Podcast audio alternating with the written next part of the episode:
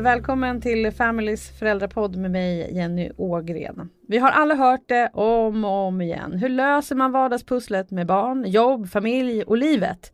Hur gör man för att få ihop allas scheman och vad händer om det inte går? Alla typer av familjer brottas med att få ihop livet. Något annat tror jag är att ljuga. Men vissa hittar sätt att klara det på och andra behöver hjälp. Och för att inte skapa press hos mammor, pappor, bonusföräldrar så är det bra och viktigt att erkänna att vardagslivet och pusslet är tufft. Joakim Löv är psykolog och psykoterapeut och är med mig här i studion. Hej och välkommen! Tackar! Du jobbar ju på Nina samtalsgruppen. Ja, precis. Så vi är en av de här nya mottagningarna som ska vara första stället man söker hjälp för psykisk ohälsa innan man behöver söka till barn och ungdomspsykiatrin. Så. Mm. Mm. Och om vi frågar så här, hur vanligt är det att man brottas med vardagspusslet med de föräldrar som du träffar? Eh, ja, det, eh, vi jobbar ju här i Stockholm så det, det är ju många som har eh, eh att man kan ha krävande jobb, att man, man, man kan ha svårt att gå ner i arbetstid. Eh, man behöver pendla till jobbet. Så det är mycket, många svårigheter att få till det här med, med i och med att att lämna och hämta barn på dagis tar tid, eller förskola tar tid. Eh, och att man, man, behöver ju tid med barn för att, eh, för att vara med dem och, och balansera då arbete, eh, att vara med barnen, få till att städa och tvätta, alla de här basala sakerna som man också vill få till i vardagen. Så det, det är många som känner att det är en utmaning. Mm. Och det finns höga, många har höga krav, man vill vara en förälder på ett visst sätt och så. Mm. Mm. Hur, hur många är det som söker hjälp?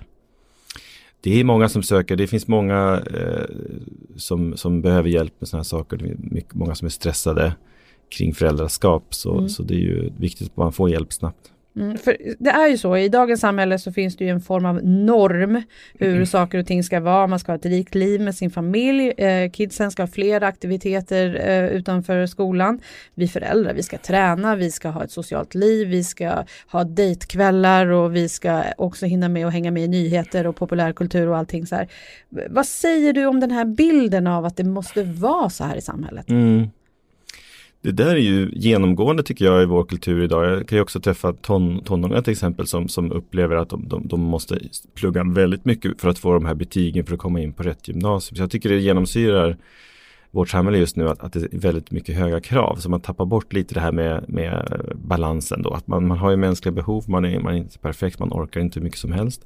Så det är ju väldigt viktigt att ha med sig i föräldraskapet också. att eh, Dygnet har bara si så många timmar, du har bara si så mycket ork och, och att prioritera eh, de basala behoven och att vara med ditt barn och att få, få vardagen att fungera tror jag är det viktigaste så att man inte blir för splittrad eller tar på sig för många till exempel då aktiviteter eller eh, att man ska hinna med väldigt mycket samtidigt. Det, det kan bli en stress där.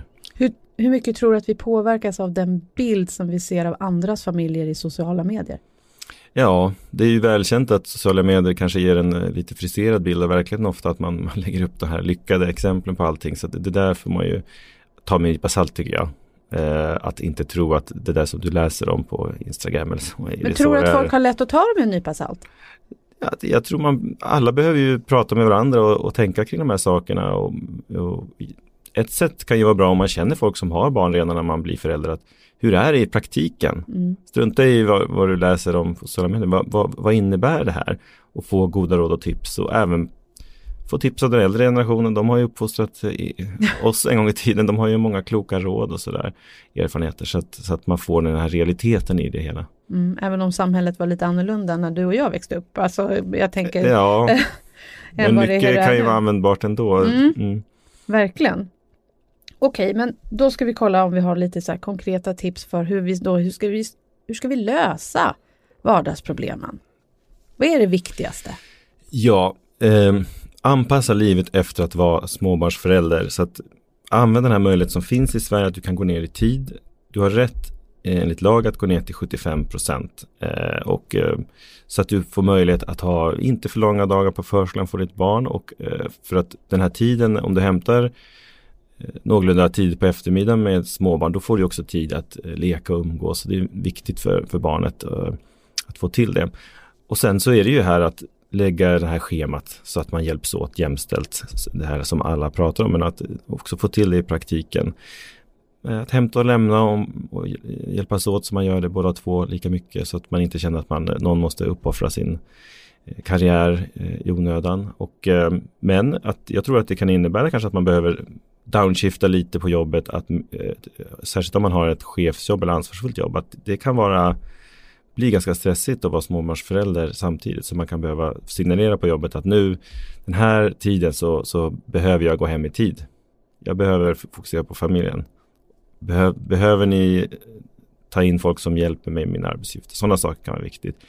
Uh, och sen eh, som vi pratade om eh, när det gällde sömn också då att använda nätverket mor och farföräldrar, fastrar och mostrar och morbröder och farbröder och alla vänner sådär. Att ta in dem, hämta någon, någon dag då och då eller hjälps åt.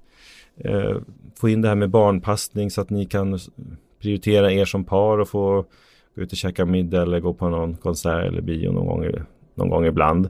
Det blir ju inte alls lika ofta som innan man fick barn, men det, det kan ju vara då och då, kan ju kännas viktigt för att prioritera också kärleksrelationen. Som kan ju riskera att hamna lite i skymundan när man eh, i det här vardagspusslet. Ja, det är ganska vanligt att den faktiskt gör det. Ja. Och vad gör man då om tristessen blir för stor i vardagen? Ja, tristess, jag tycker det är viktigt att hitta glädjen i kontakten med ditt barn. Att eh, ägna mycket tid åt att leka och vara med ditt barn. Jag, min son eh, sa häromdagen, vi var inne i hans rum och lekte med lite legogubbar, han är tre och ett halvt och så, och så skulle han iväg och gå på toa och så sa han, stanna här och lek nu med legot. det tyckte jag var den bästa komplimangen jag kunde få honom, att han upplever att jag är med och leker så mycket som jag eh, gör då, att jag tycker det är kul. Eh, sen det är inte alla dagar man hinner det, men att så mycket man kan eh, finna glädje i att vara med ditt barn, för det är ju väldigt, kan ju vara väldigt skönt att släppa alla sina vuxna bekymmer och vara i, i den här leka med ditt barn. Men det är klart att man kan känna sig eh, Nästa steg är förstås då att man kan ju känna att all tid går åt till att vara förälder. Vad händer med resten av mitt liv? Så det är ju mm. viktigt att kunna få någon barnfri kväll eller någon dag på helgen ibland. Också då att faktiskt eh, gå och göra saker var för sig kan man också vara viktigt att eh, om du tar barnet idag, jag sticker iväg och tar en öl med polarna eller eh, går iväg och gör, tränar med min kompis eller vad nu man vill göra. Så att man turas om där också. Det, det, det, finns familjer som har, man behöver inte ha det så, så strukturerat nödvändigtvis, men vissa kan ha så att man får en fri kväll i veckan när man får iväg och göra något till exempel. Ehm, och så den andra tar hand om eh, barnet då så att säga. Mm. Mm.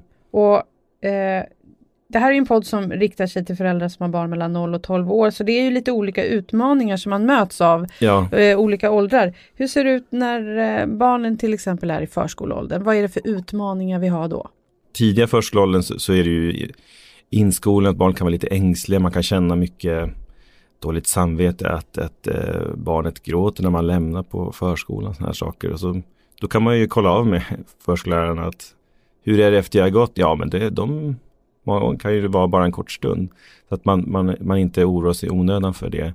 Eh, och sen många barn som är i två, tre års åldern hamnar ju i Ja, förr kallade man det trotsåldern men det är kanske bättre att kalla det självständighetsåldern för man börjar liksom säga nej och hamna i kan ju hamna i, i värsta fall kan man hamna i maktkamper och svårigheter och sådär. Så där, där är det viktigt att um, eh, tänka uppmärksamma hur man själv tar det om man, om man blir eh, irriterad och frustrerad själv som förälder. Att, så att man inte fastnar i det där att det blir eh, svårt med de här eh, trots-situationerna. Klassiskt man ska ut genom dörren eller nu får du inte titta på tv längre. Vad det nu kan vara som blir sådana här maktkamper. Att, att man, man märker av att man är irriterad själv som förälder kanske man behöver ta ett steg tillbaka och eh, lugna ner sig eller, eller så. Så det är olika utmaningar i olika åldrar tror jag. Mm. Och det där är sånt som, eh, för jag tänker så här, man vet ju själv hur det har varit under det här, själv, jag tycker det var ett bra ord, självständighetsåldern. Mm. Eh, när man står i hallen, man ska iväg och liksom, man tappar ju tålamodet, man måste räkna till 10, kanske 15 gånger faktiskt mm. för att överhuvudtaget ens komma ut ur och man känner sig kanske som en dålig förälder och då funderar man kanske, det kanske finns mycket tankar då kring så här, har jag valt rätt? Vill jag ha det här livet? Och liksom vad har du för tips då? Ja, det där är förbjudna tankar i, i vår kultur. Mm. Så det har ju alla föräldrar från och till. Att man kan känna, herregud vad, vad händer med mitt liv eller vad, vad, vad händer, hur, mm. hur ska jag klara av det här och så vidare. Men det är normalt, alltså det, det är så det kan kännas när man är frustrerad eller så. Och sen så har man ju fina stunder med sitt barn också så det, det gäller ju att se helhetsbilden.